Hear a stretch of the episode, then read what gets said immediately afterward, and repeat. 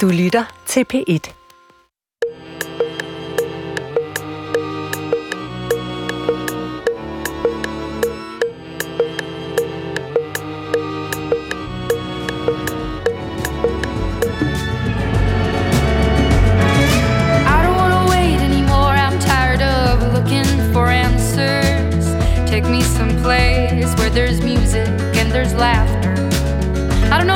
Dying, but I'm scared of living too fast, too slow.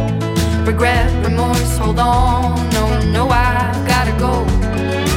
There's no starting over, no new beginnings. Time raises on. Just gotta keep on keeping on.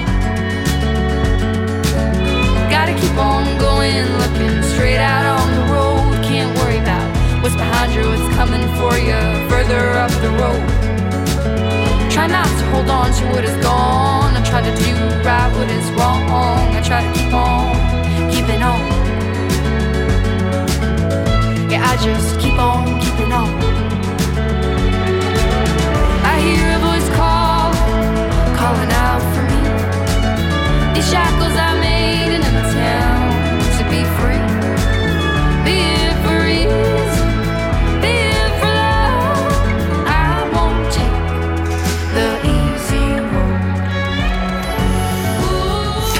Goddag og rigtig hjertelig velkommen til Hjernekassen på PIT. Mit navn det er Peter Lund Madsen, øh, og vi skulle i virkeligheden have lagt ud med noget helt andet musik. Vi skulle have lagt ud med sangen Stille i Verden fra Kim Larsen-pladen Gammel Handkat, og det skulle vi, fordi det er i dag min fars fødselsdag, og den sang er på mange måder skrevet til ham.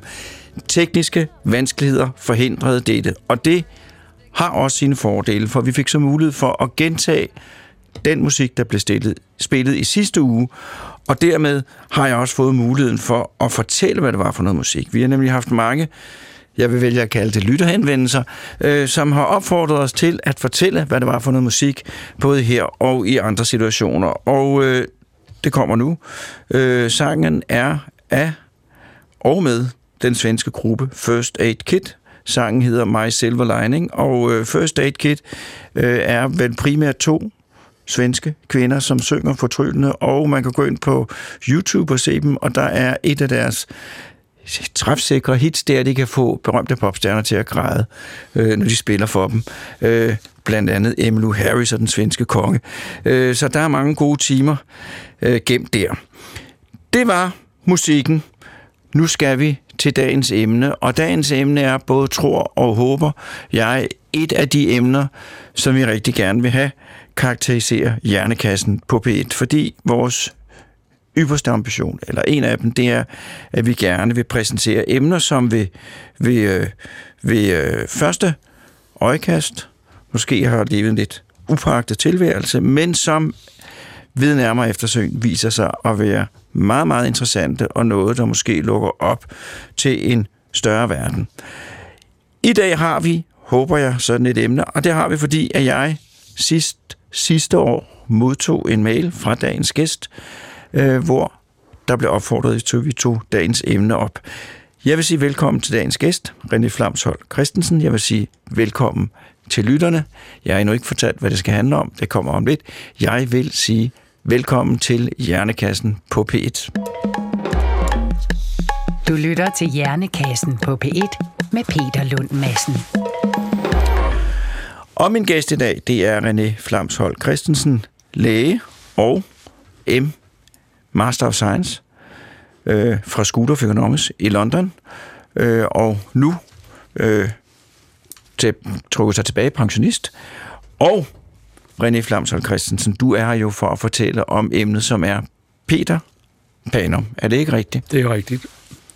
Og det, og det er jo fordi at jeg har været interesseret i ham i, i rigtig lang tid. Faktisk øh, øh, var det min lærer i infektionsmedicin, helt tilbage på, da jeg læste medicin i midten af 70'erne, øh, der snakkede om Peter Panum. Øh, min lærer dengang var hed Paul Effersø, og han, øh, han var selv færing, det vidste jeg ikke på det tidspunkt, eller han var i hvert fald af færøsk afstamning, og han fortalte om Panums øh, bedrifter på, på Færøerne for ja, nu 175 år siden.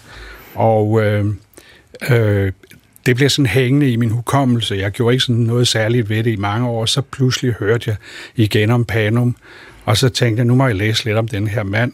Og så viste det sig jo, at, øh, at det var alt for spændende til bare at lade ligge. Så, så skrev jeg hans biografi, og den øh, udkom for et halvt år siden. Faktisk øh, en måned før, han, før hans 200-årsdag, hvor han var født i december 1820. Og den bog, den hedder Peter Ludvig Panum, og er udkommet på Fadels forlag. Det gør den, og den hedder også Det moderne genbrud i dansk medicin, så det introducerer ligesom øh, også, hvad skal man sige, det spændende ved ham. Ja. Inden vi går i gang med Peter Panum, så ganske kort, vil du ikke fortælle kort om, din, om, om dig selv, og hvordan det der School of Economics kommer ind i det hele? Altså, jeg er læge, ja. som, som er nævnt, og så arbejdede jeg efter nogle år i, i Danmark, øh, i danske hospitaler, i, her i, i hovedstaden hovedsageligt, øh, øh, så kom jeg ud uden for, arbejde uden for Danmark. Jeg arbejdede i Afrika, jeg studerede så i England for at tage min mastersgrad. Jeg har arbejdet i, også i Grønland, og så har jeg arbejdet i øh, de sidste mange år i Luxembourg i det investeringsforetagende, som øh, lavede, som finansierede øh, sundhedsprojekter.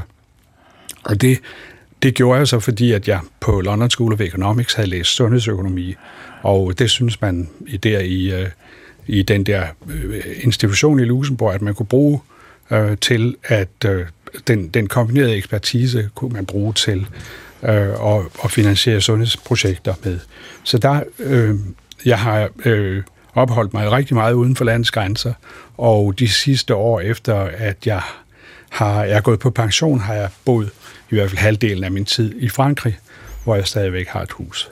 Så du er et rigtig godt eksempel på, at øh, en af de mange fordele ved lægeuddannelsen, det er, at den kan bruges til mange forskellige ting. Det er rigtigt. Og den kan bringe dig vidt omkring. Det kan den, ja. Nå, Peter Ludvig Panum.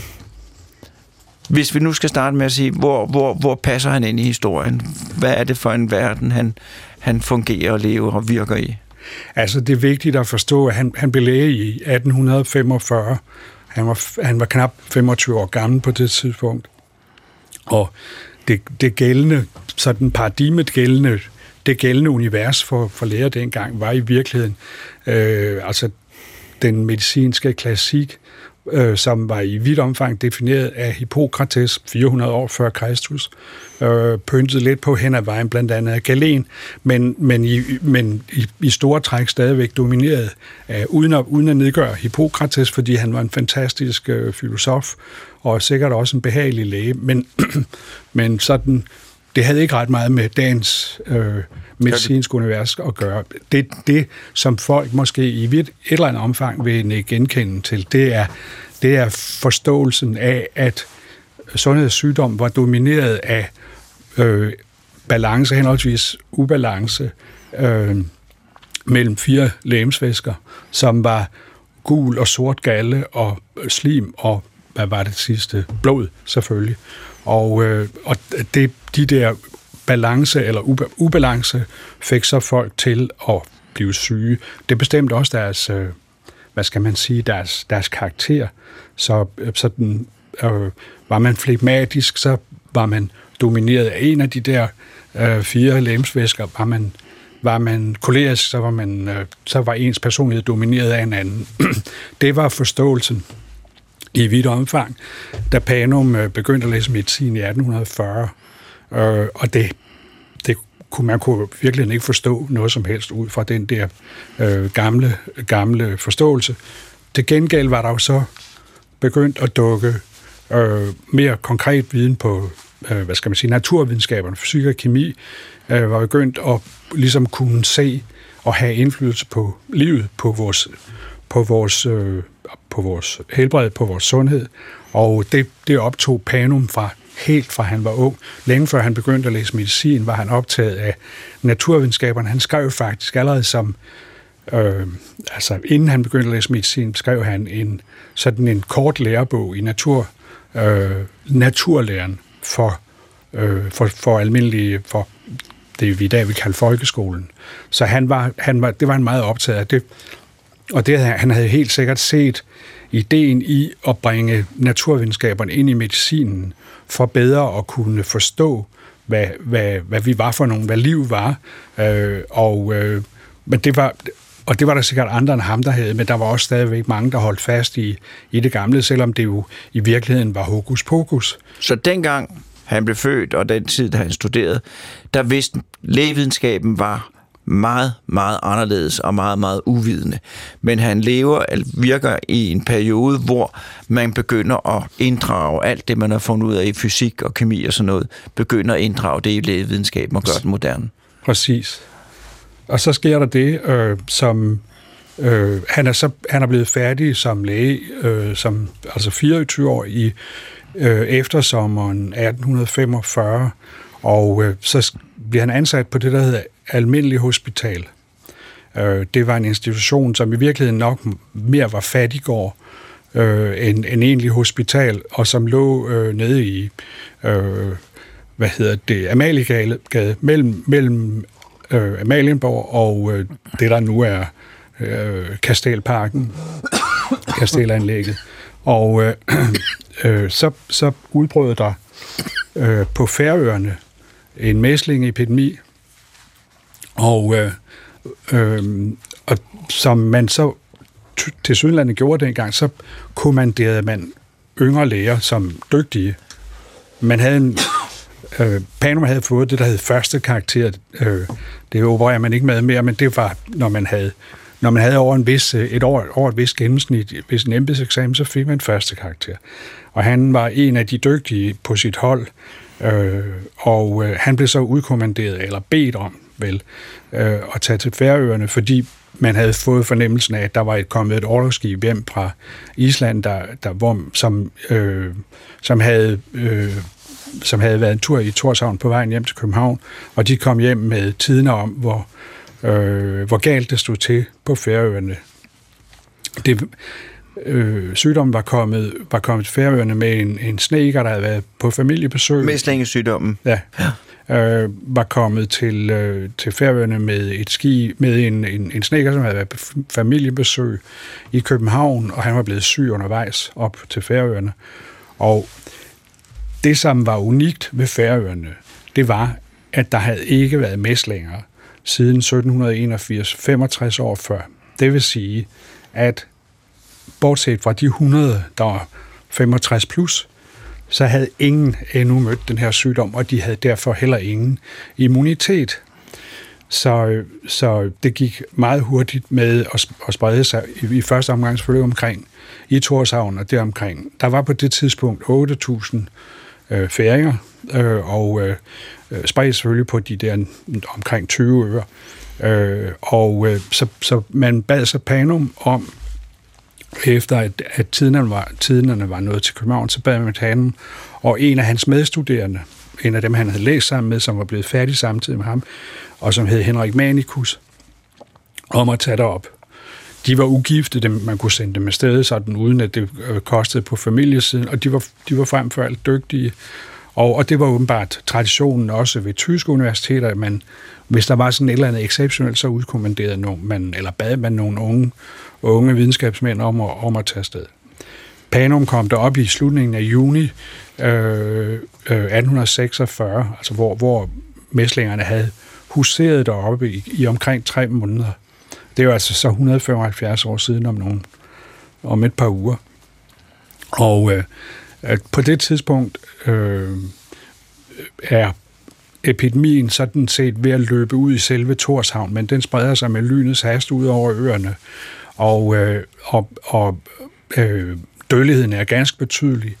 Øh, altså, der har, på færgerne har man vel vant, været vant til, at der i alt på månedsbasis døde 12-13 mennesker, og nu var den så op på måske øh, 45 eller 40 eller det omkring. Så det var meget tydeligt, at der var et eller andet helt exceptionelt i gære, også fordi mæslinger, i modsætning til hvad man går og forestiller sig, så det er faktisk en ganske farlig sygdom.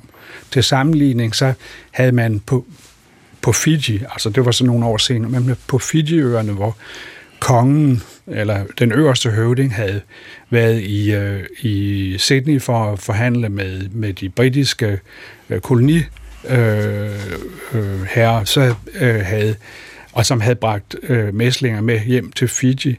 Der døde 40.000 mennesker, en femtedel af land af Fijiøernes befolkning, øh, i løbet af ganske kort tid. Så bare for ligesom at illustrere, hvor farlig sygdommen var, der havde aldrig været mæslinger på, på Fijiøerne dengang. Så, så forestillingen om, at om mæslinger er en børnesygdom, og det var sådan noget, man fik, når man var bare... Det er fuldstændig rigtigt, men det var, det var jo i en situation som øh, den danske, hvor, man, hvor der den smitten kom hver femte år, og så blev alle dem, der var mellem et halvt år gamle og fem år gamle, de blev smittet, og de blev syge, men de døde ikke. Øh, det, der var nogle få, der døde, der var nogle få, der fik øh, langvarige øh, hvad hedder det, øh, bivirkninger og, og, og invaliderende bivirkninger, men, men det var trods alt sådan, man opfattede det som, som noget, der, der bare skulle komme, og man kunne jo ikke gøre noget. Altså vaccination var jo, var jo overhovedet ikke på tale på det tidspunkt. Man anede ikke noget om, om øh, man anede intet om, øh, hvad der rent faktisk var, der, der forårsagede øh, øh, sådan nogle smitsomme sygdomme. Så hvad var det Paner, man gjorde, da han kom til ferierne? Han, han begyndte, så han, han i samarbejde med amtmanden, øh, så, ble, så, så planlagde man så, hvordan man skulle fordele arbejdet mellem Panum på den ene side, og, og Henrik Manicus på den anden side. Panum fik så, Manicus to Sandø og Suderø, som er de to sydligst beliggende øer, og så tog Panum sig af de øer. Så, så rejste han fra ø til ø og gik rundt og, og hjalp folk med sådan at fortælle dem, at de skulle drikke noget vand og, og øh, sørge for at spise, hvad, hvad de nu havde at spise. For det var jo altså også problemet, altså fordi folk var syge i et omfang, øh, som, som det nu var, så kunne de jo heller ikke passe deres øh, bedrift, de kunne ikke passe deres for, de kunne ikke grave tørv, de kunne ikke tage ud og fiske, de kunne ikke tage ud og samle æg på fuglefjelden og sådan noget. Så, så de var jo, ud over at være syge, så var de jo altså også truet af sult.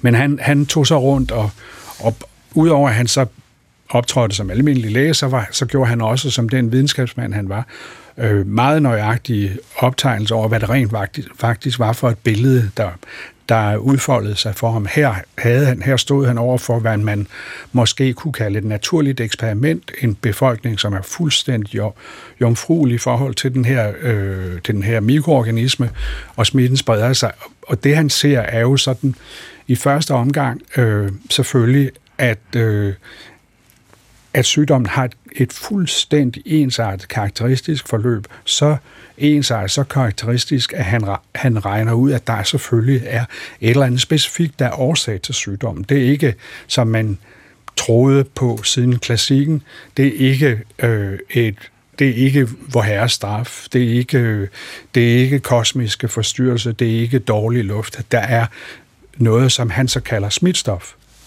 Så det, det er ligesom den første observation, han gør. Han, han, han finder jo så også ud af, at det her smitstof, bakterier, virus, var ord, der ikke eksisterede endnu, øh, og langt mindre øh, begreber i folks bevidsthed. Han finder ud af, at det her smitstof, det kan, det kan, det kan passeres fra det ene menneske til det andet. Det var også en, en, en, en et, øh, et konceptuelt, øh, altså... Øh, et gennembrud i, et, et, i forståelsen. Ja, ja. Og, øh, og for det tredje, så finder han jo ud af, at hvis man isolerer folk, det er sådan en konsekvens af, når, når man kan passere smittestoffet fra en, et menneske til det næste. Hvis man så isolerer folk, så kan man mindske smittespredningen. Det er jo altså noget, som vi har hørt på i nu et år og et par måneder, så og det fjerde er, og det er jo et, et, altså også et ganske, ganske fantastisk øh, gennembrud i vores forståelse, det er, at dem, der er over 65, som har haft mæslinger i 1781, de bliver ikke syge igen. Så her, her har man en demonstration af immuniteten, af vores immunsystem. Det er, det er første gang, man, man når så langt. Det er jo et, det er jo et, et paradigmeskifte, et, et videnskabeligt kvantespring, han står overfor. Vi skal lige have en jingle. Du lytter til Hjernekassen på P1 med Peter Lund Madsen. Og i dag der handler det om den danske videnskabsmand Peter Ludvig Panum, øh, og vi befinder os på Færøerne, hvor øh, han lige har foretaget et videnskabeligt, det kan man sige, kæmpemæssigt gennembrud, i det, at han er en af dem, der første gang indser det her med smitte mm. og immunitet og smittespredning og isolation mm. af syge mennesker. Og øh, og det publicerer han selvfølgelig. Han opholder sig deroppe fem, i fem måneder. Øh, og, og selvom man ikke endnu øh, med, på de oplysninger, eller, eller nogensinde på de oplysninger, han, han, han, han har han ligesom har givet, så kan man jo selvfølgelig ikke, man kan ikke kvantificere, øh, hvilket om, i hvilket omfang det har forhindret folk i at dø. Der døde måske i virkeligheden 150 mennesker af, af mæslinger øh, i løbet af de der fem måneder. Øh, men det var jo også mange i en befolkning på 8.000. Øh, men, men, øh, men han rejser så hjem, da, da det hele er overstået i, i, hen på året 1846 og indgiver sin beretning til det, der hed det kongelige øh, sundhedskollegium, som var dem, altså forløberen for vores sundhedsstyrelse, øh, som var, var den institution eller øh, myndighed, der havde sendt ham derop. Og han skriver så en artikel til det her Bibliotek for Læger, et, et, et tidsskrift, som er vores ældste, måske verdens ældste øh, lægelige tidsskrift. og, øh, og det, altså, det vækker sådan måske sådan lidt valent genklang hos, hos tidens læger. Det var ikke særlig, ikke særlig interessant, og, og så har han, øh, så rejser han til Berlin, hvor han møder øh, en af en af så eftertidens i hvert fald betydeligste videnskabsmænd, medicinske videnskabsmænd, øh, Rudolf Virchow, øh, som har netop har grundlagt sit øh, tidsskrift, som er måske et af verdens mest berømte medicinske tidsskrifter. Og øh, de, de næsten jævnaldrende, Virchow er et halvt år yngre eller sådan noget, og han, han ser nok, at her er noget nyt, så han tilbyder, at øh, Panum øh, kan øh, få sin øh, artikel også publiceret på tysk. Panum var tosproget, han havde, han havde gået i gymnasiet i Flensborg, øh, var opvokset delvis i, i, i Slesvig, og havde gået i gymnasiet, det, det der hedder lærteskolen i Flensborg, så han, han kunne selv skrive den på tysk, så det var jo helt uproblematisk. Og den blev så publiceret, og stadigvæk, så var det jo sådan, nå ja, okay, det var måske interessant. Så man var, det var ikke sådan det kvantespring, som, som man nok i eftertiden ville se, men det var første gang, man havde så, så øh, sikkert et grundlag for, hvad smitte var for noget, og hvad smitsomme sygdommen var for noget. Der så... gik jo altså fem år før, øh, før hvad hedder det, han, John Snow publicerede tilsvarende om, om kolera-epidemien i, i London. Så det her, det er det har jo altid stået for Morten og mig, et af de her helt store afgørende gennembrud i moderne menneskes historie, at man forstår smitte. Øh, fordi det var jo det, man døde af for en stor del vedkommende i gamle dage. Det var sygdomme af alle mulige forskellige karakterer, og man anede ikke, hvad det foregår. Her har man et af de aller, aller første forklaringer på, hvad det er, øh, og dermed starten på en af de mest menneskelivsbesparende øh, opdagelser overhovedet, det der med at isolere og begrænse smitte. Så en af de to ting, han gør, Panum, det er, at han er en meget, meget vigtig del af denne her revolution. Og så kommer han også til at få, for vi bliver nødt til at springe nogle mellemled over, fordi tiden jo desværre går, han kommer jo også til at få en stor betydning for den fysiologiske videnskab, og er sådan set grundlæggeren af det store, flotte fysiologiske forskningsforløb, øh, vi får i Danmark. Er det ikke rigtigt?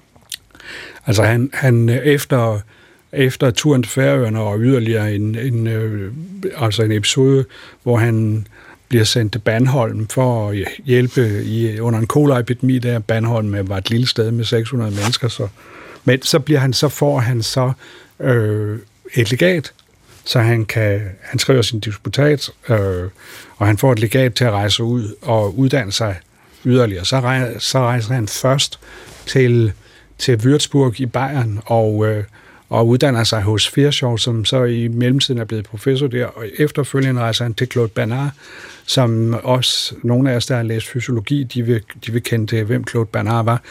Og øh, der får han så yderligere uddannelse, så bliver han så i en alder af øh, 32 år, bliver han professor ved Universitetet i Kiel. Kiel var hovedstaden i Holsten, og, øh, og øh, øh den danske konge øh, var konge, eller i hvert fald hertug over hertugdømmerne, og, øh, og der, så der øh, kunne man så også som dansker søge job. Der var ganske få. Øh, der var vist kun en dansktalende professor ud over Panum, som har forsøgt at lægge ham øh, hindringer i vejen, men det, det holdt kort, for man fandt jo ud af, at han var en fantastisk øh, videnskabsmand, som tilførte universitetet noget nyt. Så han arbejdede faktisk på universitetet i Kiel øh, i 11 år, indtil, øh, indtil Danmark så i 1864 øh, øh, endelig tabte slaget om hertugdømmerne, så var heldigvis for os og for, for Panum selvfølgelig også, så var professoratet i, i København blevet ledet, og der blev han så professor. Og der øh, arbejdede han så fra 1864 og til sin død i 1885. Og begge steder, både i Kiel og efterfølgende i København, øh, lagde han, som, som du nævner, øh, grunden til, til dansk fysiologi, om, om, om du vil. Fordi ganske vist havde der været en professor før, øh, men da professoren i København, som hed A. Esricht, og som var en øh, meget, øh, helt sikkert en, en, en meget veluddannet og, og meget interessant herre. Han interesserede sig mere for val, valers anatomi end for fysiologi. Så, så det blev ikke så, til så frygtelig meget med den fysiologiske forskning der. Men det, det blev der så til gengæld, da Panum kom til. Fordi Panop fik så oven i købet Øh, han blev installeret i det, der hedder Valkælderen, som man stadigvæk kan finde inde øh, på Københavns Universitets øh, øh, i, i kælderen under, under hovedbygningen på Frueplads. Og der var han så nogle, nogle måneder, måske et års tid, indtil at han så havde fået øh, bygget sit Øh, Panums Fysiologiske Institut, som også stadigvæk eksisterer, som ligger nede bag ved Medicinsk Museum i, øh, i Bredgade. Så der, der herskede han så øh, de, de, de der mange år og producerede en fantastisk masse interessant fysiologisk viden. Øh, og det var altså det var virkelig øh, ligesom inputtet til det naturvidenskabelige input i dansk medicin, der, der kom der. Og det var ikke kun til dansk medicin, for det var jo også til en lang række andre ting. Det var jo også for eksempel, øh, kan du sige, det var også til dansk medicin, men Karl, øh, øh, Karl Salomonsen, som var sådan lidt øh, en, en ja, lidt en, øh, en spredebasse, vil man sige, men også, men også læge, og han kom i tanke om, at han, han, øh, han ville beskæftige sig med det fag, der sådan var under udvikling, nemlig mikrobiologien, og øh, han, øh, han fik så plads, øh, han fik en, en øh, lov til at, at lave sine eksperimenter, i, på Panum Institut, selvom det jo altså var fysiologi og ikke mikrobiologi. Så, så Salomonsen, han bliver så grundlæggeren af dansk mikrobiologi. Og, og mikrobiologi, det, det er altså noget med bakterier, med bakterier og sener og, virus og ja, alt det der. Ja.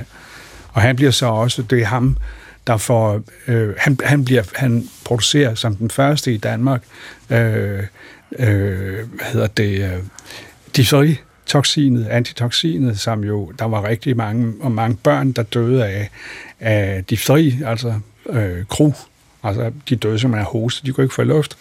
Og der øh, producerede man så på heste, man havde gående ude på Landbe Højskolen, producerede man det der toksin og oprensede det så i, i Salorensens laboratorium, så, så øh, så han blev så øh, grundlæggeren af den der disciplin i lægevidenskaben og fik bygget, siden han fik bygget Serum Instituttet, øh, og blev øh, landets første professor i mikrobiologi. En anden, som Panum øh, øh, gæstfrit gav plads i sit laboratorium, var Karl Emil øh, øh, Hansen, nej, Christian Emil Hansen, som, øh, som blev ham, der renfremstillede den gærcelle, som Carlsberg sidenhen brugte til at lave verdens bedste øl, og øh, øh, som sikrede, at, øh, at Karl Jacobsen kunne tjene sig kolossalt mange penge, at han kunne, som han så kunne bruge til øh, at støtte dansk kunst og dansk videnskab, øh, som han anså for at være Jacobsen, som han anså for at være utrolig vigtigt, og specielt i tiden efter 1864, hvor, hvor landet rent, sagt, rent sagt var ved at falde fra hinanden. Så det var ligesom, så på den måde blev, blev Panum også øh, ikke alene en, en vigtig øh, brik i, i forhold til dansk medicin, men i forhold til Danmarks øh, modernisering, kan man sige, mere generelt, og til, øh, ja, til etableringen af, af, af øh, dansk øh, industri. Han var også øh, med til at gøre pasteurisering til sådan en, en, en industriel proces, fordi han hjalp en, en københavns forretningsmand med at etablere det første sådan større mejeri, det første mejeri, der producerede pasteuriseret mælk til en, en stor by. Og, og det var pasteuriseret mælk, det er mælk, der er varmet op, til nogle 60-70 grader. så der er så tuberkulosebakterier og sådan noget bliver slået ihjel. Ja. Så Alt sammen, altså alt sammen revolutioner i forhold til folkesundheden. i, i allerhøjeste grad, ja. Og alt sammen noget, man kan se, hvis man går ind og kigger på middellevetiden i Danmark, i, i Europa, det, så den slår simpelthen et mægtigt knæk. Det er klart. Det er På grund af alle de her ting, på grund af de her ting. som udspiller sig over ganske kort få år. Ja, altså han, relativt set. ja, Han har også noget at gøre med Niels Bohrs far.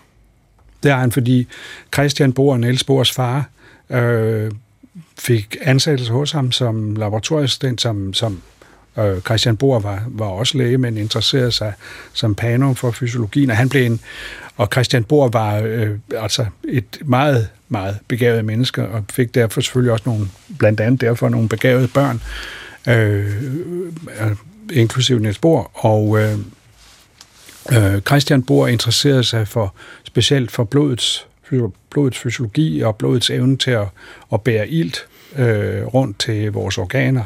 Og øh, det, det blev også en, øh, altså en en af, hvad skal man sige, dansk øh, medicins store, øh, øh, et af de store gennembrud, som så i virkeligheden også førte til en konflikt med, hvad hedder han? Øh, øh, Lundsgaard. Nej, Nå. øh, ham med det andet institut. Øh, oh, I Danmark eller i her, ja, i København, ja. øh, Aarhus Krog?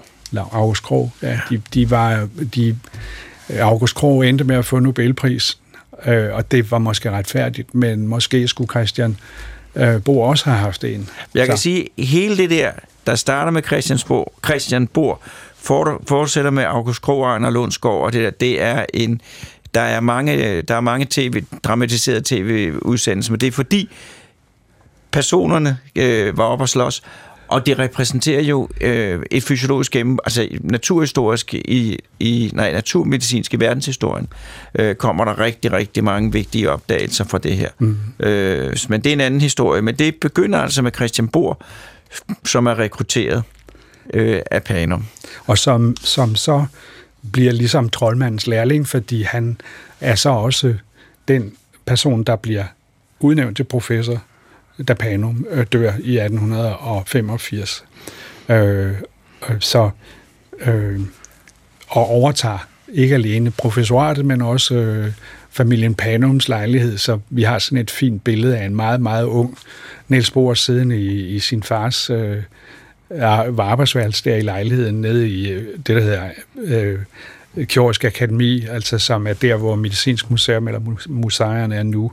Og så, sådan en 18-årig Niels Bohr, der sidder der sådan, og ser meget tænksom ud, og med, og med en fin statuette af Panum oppe i hjørnet. Så der var, det, var tydeligt, det er meget tydeligt, at Christian Bohr respekterede øh, øh, sin, sin lærermester og, og havde været glad for sit, øh, for sit samarbejde eller sit arbejde hos, hos Panum. Og så er der jo en ting, fordi at nu om dage, så hvis der er, altså der taler man jo i, i danske lægekredser om store lægekongresser. Mm. Øh, og øh, og øh, det er jo så, nogle gange, så er det jo så om en, en lægekongres om, om øh, uønskede øh, for tidlige fødsler i en eller anden bestemt undergruppe, og der kan, hvis det bliver rigtig, rigtig stort, det er sjældent, men så kan jeg huske for nogle år siden, der var, der var den gynækologiske verdenskongres i København, og det var, det var meget stort. Men Panum, han får øh, noget til, til, til København, som simpelthen ikke eksisterer mere, tror jeg. Hvad er det? Altså, der, der, man havde fundet ud af hos blandt, blandt Europas lærer, verdenslærer, for der var jo altså lærer andre steder end i Europa, men, men der havde man fundet ud af, at man skulle holde sådan nogle lægekongresser hver, hver 4. 5. år. Og det var startet, øh, jeg tror, i Paris, og øh, så havde man sådan, sådan så sammenkaldt man de der kongresser engang imellem hver fjerde år. Øh, den blev, den blev, man havde så på et tidspunkt øh, øh sjovt nok øh, for, forestillet sig, at den skulle være i Rom, men det ville paven ikke have.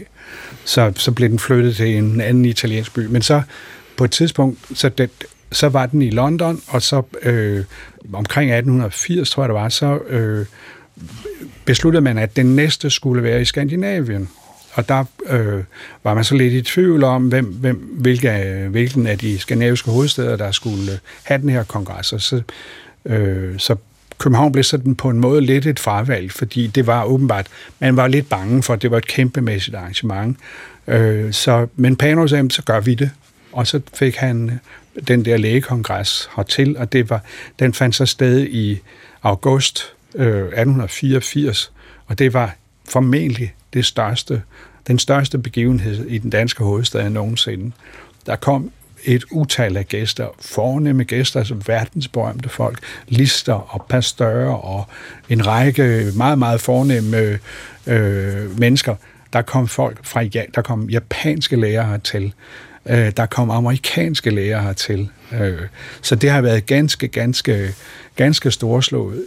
Den danske konge optrådte med sin kone. Den græske konge var her, og det var helt forrygende stort, og, øh, og, øh, øh, øh, og vejret var efter hvad man kan læse om det, helt forrygende lækkert. Så det var, altså, det var virkelig en stor ting. Og Panum stod som præsident for den her øh, begivenhed, og endelig fik han måske ligesom den anerkendelse, han ikke havde søgt, for det, det lå ham nok ikke særlig stærkt på scenen, men han, han fik den, hvad skal man sige, den anerkendelse, den internationale anerkendelse, som han i virkeligheden havde fortjent helt siden, at han i 1846 havde været på Færøerne.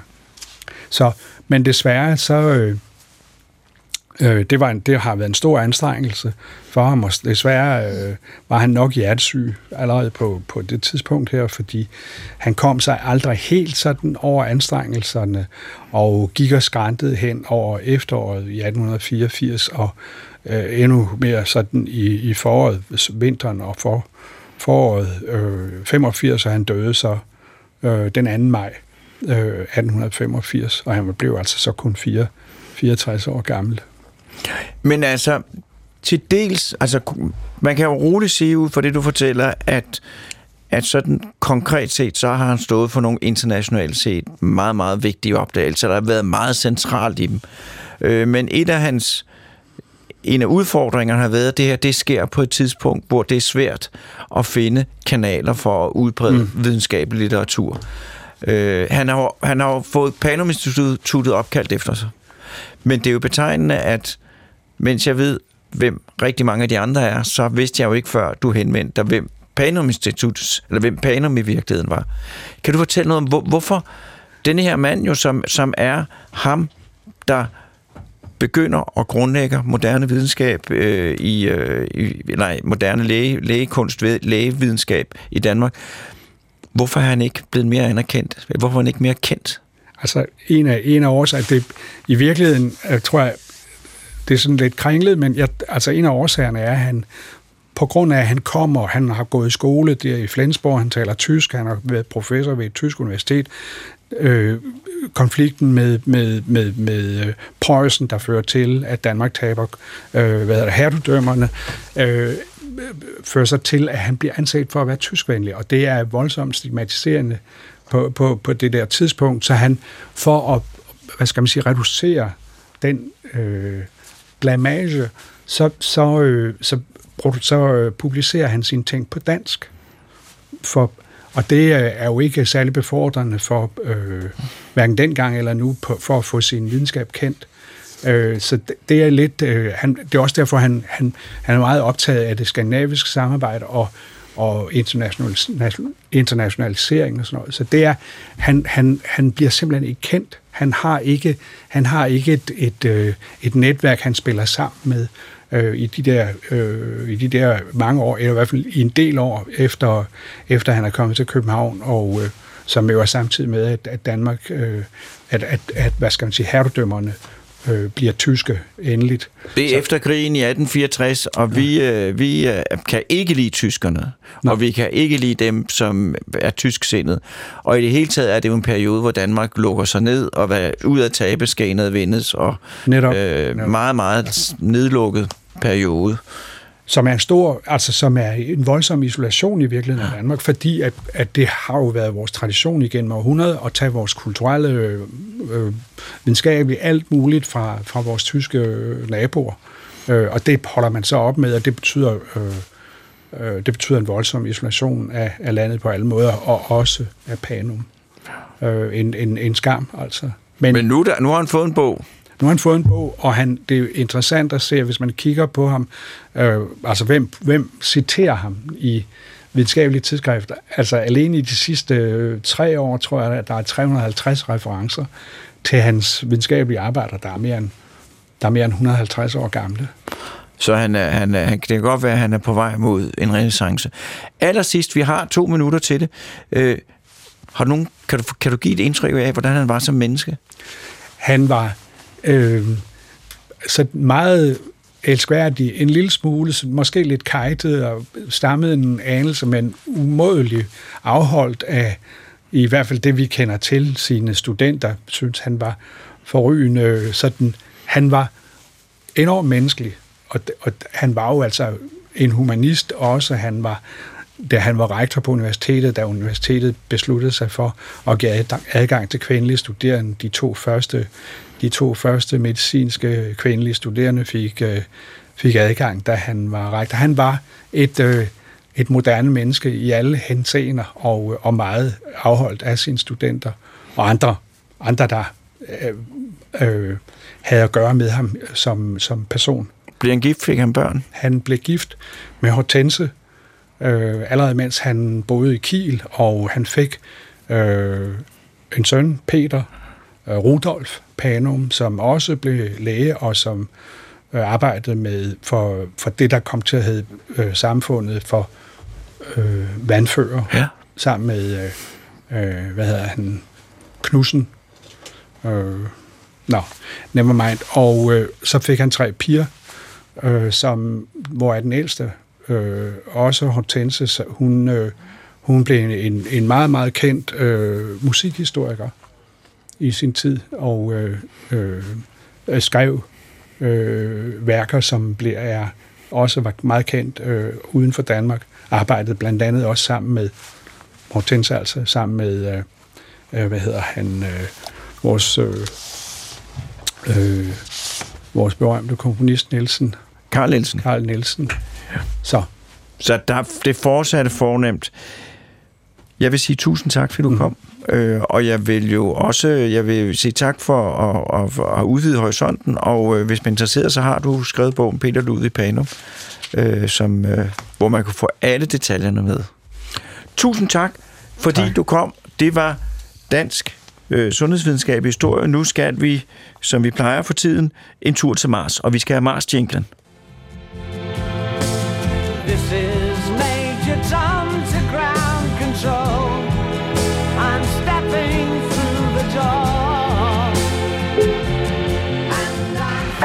Step off the limb. It's one small step for man, one giant leap for mankind. Oh, that looks beautiful from here, It has a stark beauty all its own. Is there life on Mars?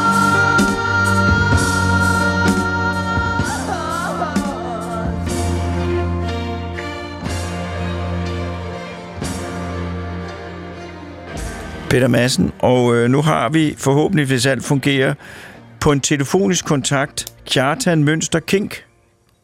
Det har du. Det har du, og øh, du er lektor astrofysiker øh, og arbejder på Niels Bohr Instituttet. Det er korrekt. Og der kan jeg jo sige, at vi har jo lige talt om Niels Bohrs far, øh, faktisk Niels Bohrs videnskabelige far, men det har ikke noget med Mars at gøre, så det øh, skal vi ikke tale mere om. Vi skal høre, Kjartan, øh, hvordan, hvordan ser tingene ud oppe på Mars, set fra der, hvor Jamen, du befinder dig? Det ser rigtig spændende ud. Vi, vi er sådan ligesom øh, krydset en, øh, en sådan øh, projektmæssig lidt stor grænse her i løbet af den sidste uges tid. Øh, for det første var der jo sådan et rundt tal. Vi har været 100, 100 Mars-dage på Mars. Vi er passeret dag 104 i dag. Men, øh, men vi er også gået ud af den indledende fase. Øhm, og sådan i meget populært sagt, så har ingeniørholdet givet nøglerne til bilen over til videnskabsholdet. Så vi er gået fra en fase, hvor fokus var på nogle ingeniørmæssige ting, tjekke ud kommissionering af instrumenter. Et af gangen skulle alle instrumenterne øh, klargøres os til brug. Øh, og nu er vi faktisk... Øh, og, og, og rigtig meget af det at de kommandoer, vi sendte, var allerede skrevet, før vi landede på Mars, så vi bevægede os ikke særlig meget. Vi var i området lige omkring der, hvor vi landede. Nu er vi begyndt at køre. øh, og det er videnskabsholdet, der bestemmer, hvor vi skal køre hen. Øh, før sad vi i passagersædet der kunne tage billeder ud af vinduet. Nu er det os, der ligesom bestemmer, hvor vi skal køre hen. Og vi øh, har lagt en plan for, hvordan vi skal forsøge at bedst muligt forstå øh, det område, vi er landet i, kratergulvet, før vi bevæger os hen mod øh, Delta. Men det, det er ligesom et, et skift i fokus for missionen. Øh, og nu er vi sådan, nu begynder vi at fungere på den måde, som missionen vil komme til at fungere Og- øh, resten af forløbet. Og jeg kan høre, du er ikke på ingeniørholdet, du er på videnskabsholdet. Nu er det jer, der bestemmer. Hvad, øh, Ja, ja, på videnskabsholdet. Ja, nu, nu, nu har, er bilen pusset, den er klar, og der er hældt olie på. Øh, nu, skal den, nu skal den ud og køre for alvor. Og hvor, hvad, hvad er så planen? Jamen lige nu har vi så lagt en plan for, hvordan vi skal forsøge at, øh, øh, at bevæge os rundt i, øh, i det lidt bredere område omkring der, hvor vi lander. Så det, nu skal vi forstå, hvad det her kratergulv består af. Er det lava, eller er det sandsten? I er landet, der hvor vi er landet, er der jo der er ligesom øh, øh, øh, sådan et fladt underlag med en masse småsten i. Så er der sådan nogle flade lysesten, der stikker op af det, men som ligger meget fladt. Og så er der sådan nogle mere opretstående mørkesten, som nok måske Der er røg, lyden. Øh, det er, vi skal lige se. Jeg tror, det er noget, det er, det, det er telefonforbindelsen, der er røget. Men, øh, men jeg kan til beroligt sige, at, at vi taler ikke med Kjartan helt op på Mars. Han, er, han sidder et sted øh, i forstederne og, øh, og taler, og der bliver nu ringet op, øh, og, øh, og så bliver det ordnet. Øh, forhåbentlig. Øh, det er jo... Øh, det er jo, øh, det er jo betegnende, at... Øh, ja, øh, at... Øh, Hallo? Ja. Hej, Kjartan. Jamen, du skal ikke undskylde. Det, er, det var noget digitalt støj, øh, øh, siger jeg. Jeg aner ikke, hvad forbindelsen røg. Det var noget digitalt støj, jeg bestemmer for. Du var kommet til, at øh, I skal rundt på kraterbunden, og der er nogle sorte sten. Ja, som står op, og så til øh, lige øst for os er der sådan en ret øh, kraftig, øh, meget tydelig grænse mellem to øh, geologiske områder, øh, hvor, hvor det ser lidt anderledes ud på den anden side af det, og det skal vi også hen og undersøge og finde ud af, hvordan de to ting hænger sammen. Og den måde, vi gør det på, det er, at vi laver, vi kører sådan en, en øh, ud- og hjem-rute, hvor vi, vi kører lidt mod syd, og så vender vi, og så kører vi tilbage igen mere eller mindre langs den samme rute, og det giver os en chance for at køre ret hurtigt ud, hvor vi mest tager billeder og laver, hvad skal man sige, rekognoscering, og så tage nogle beslutninger om, hvor er det så, vi skal lave nogle lidt længere stop. Og hvor lang er sådan en På tur? vejen hjem igen. Hvor lang er sådan en tur? Det er formentlig de næste par hundrede dage. vi skal- Men, men er det en på kilometer eller en halv kilometer, I kommer på sådan en tur? Nej, vi, kom, vi kommer jo, når vi først kommer godt i gang, så skulle vi gerne kunne køre sådan lidt over 100 meter på en, på en dag, hvor vi, vi, vi, vi kører. Og Ja. måske også lidt mere, ikke? Så, så, så det er nogle kilometer, ikke? Ja. Så skal man så også holde stille i noget af tiden. også. Vi ved ikke helt præcis. Det er stadigvæk en løs plan. Hvor langt, hvor langt mod syd vi har tænkt os at køre, før vi vender, er, er, er stadigvæk lidt et åbent spørgsmål. Men en enkelt kilometer, en halv kilometer, sådan et et eller andet i den stil, og med en del zigzag rundt for, for øh, hver gang, vi ser noget, der ser spændende ud. Ikke? Og hvornår begynder resultaterne så at tække ind? Hvornår får vi at vide, hvad består de sorte sten af? Hvornår kommer der noget om liv på Mars?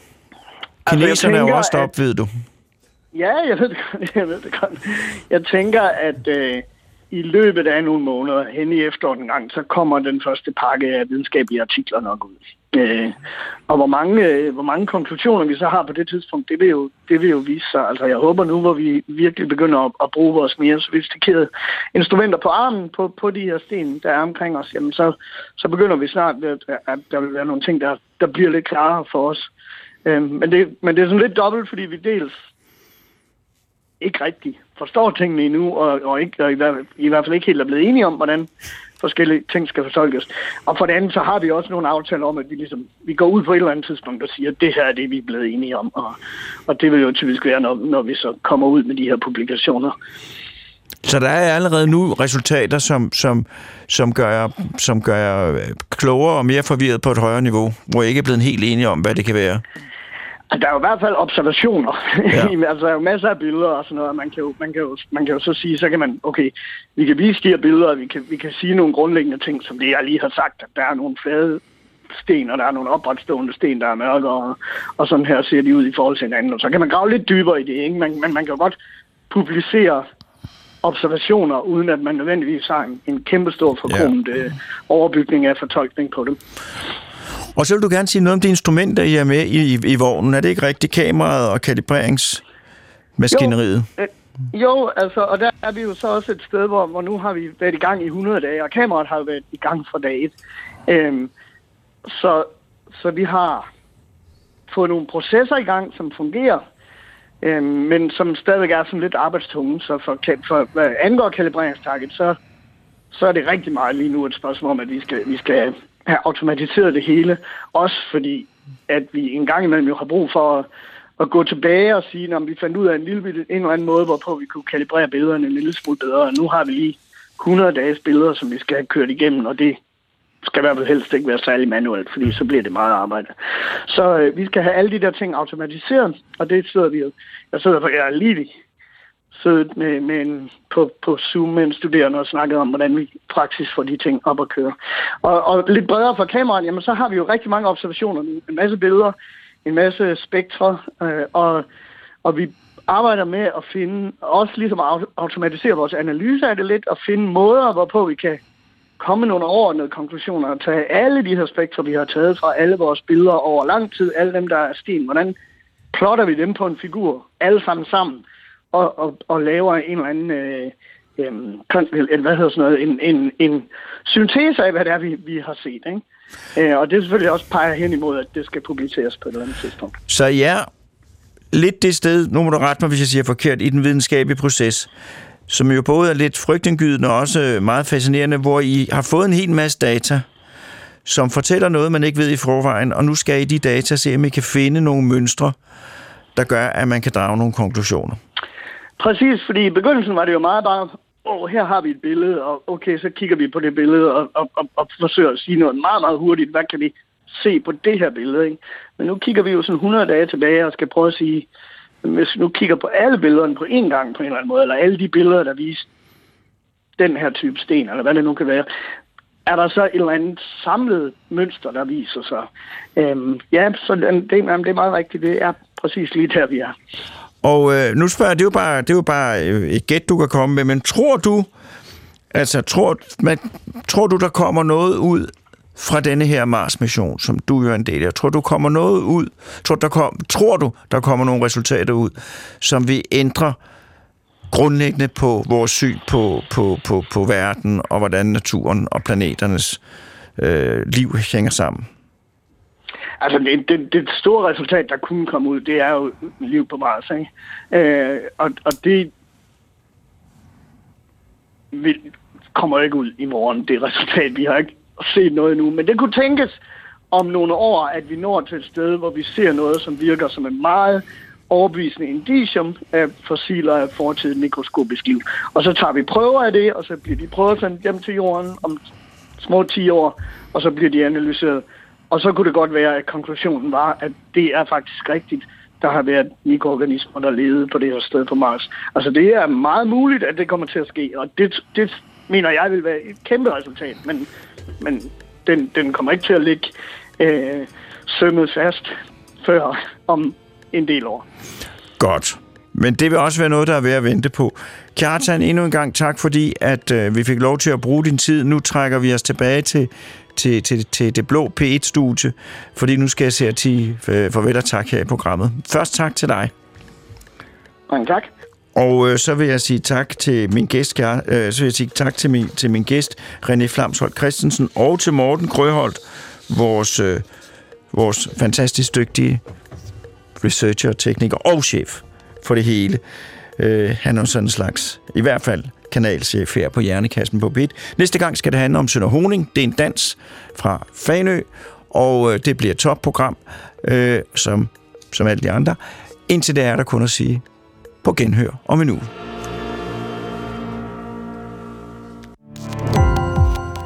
Gå på opdagelse i alle DR's podcast og radioprogrammer. I appen DR Lyd.